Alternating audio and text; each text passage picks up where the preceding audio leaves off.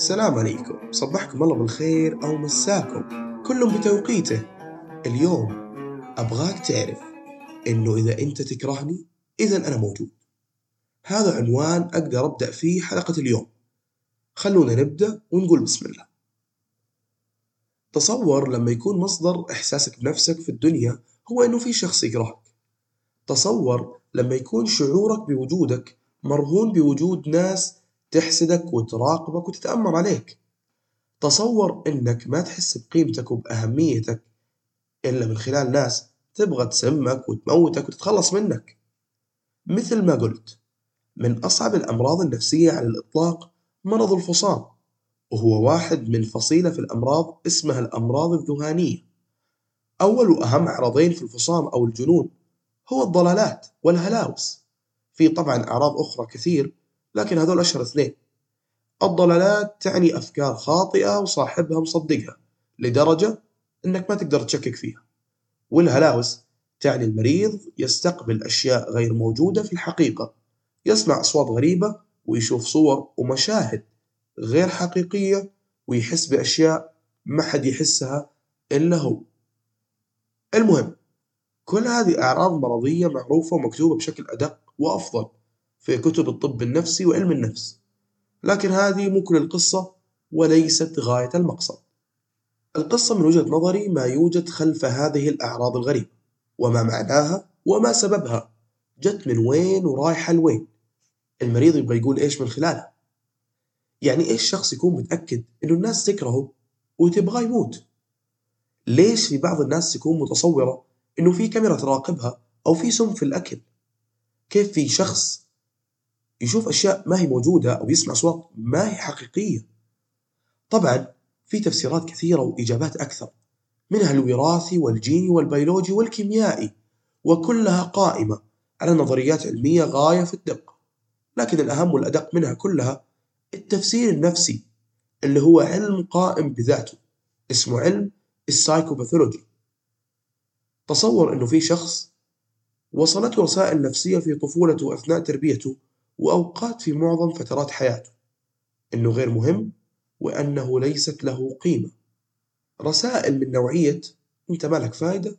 يا ليتنا ما جبناك؟ كان غيرك أشطر.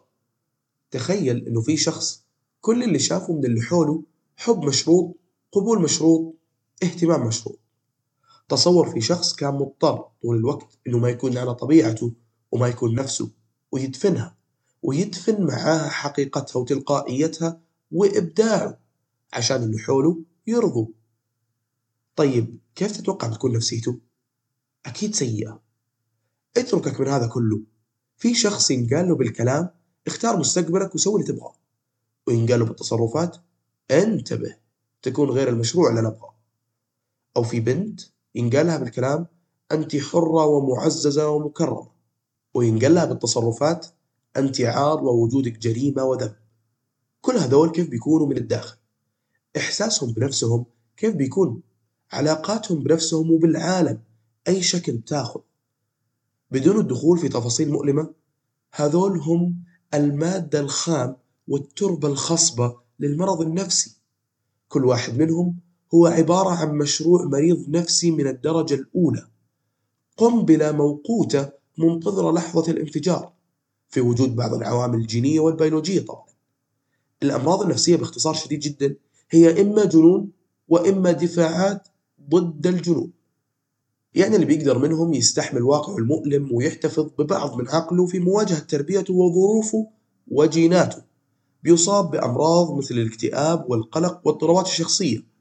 أما اللي ما بيقدر يستحمل الواقع والظروف والضغوط والصدمات النفسية اللي تمر عليه في حياته واللي هو شافها طول عمره فهذا اللي بيقرر بشكل واعي أو غير واعي أنه ينفصل تماما عن الواقع ويبدأ في خلق الواقع الشخصي حقه هو. عشان كده سموه فصام.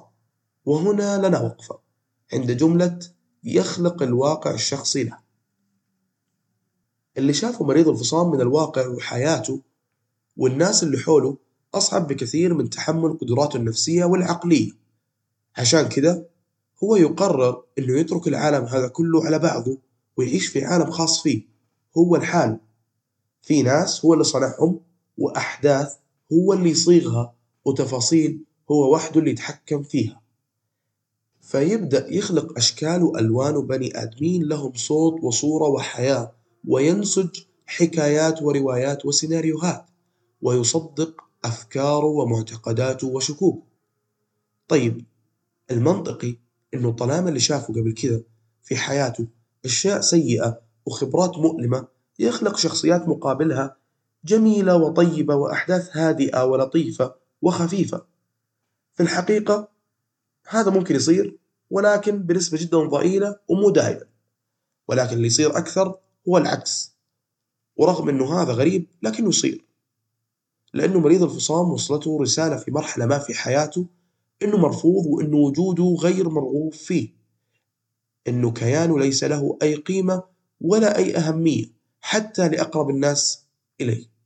فيتمنى من داخله أي شكل من أشكال الوجود وأي درجة من درجات القيمة والأهمية. وهنا يقع الألم الحقيقي.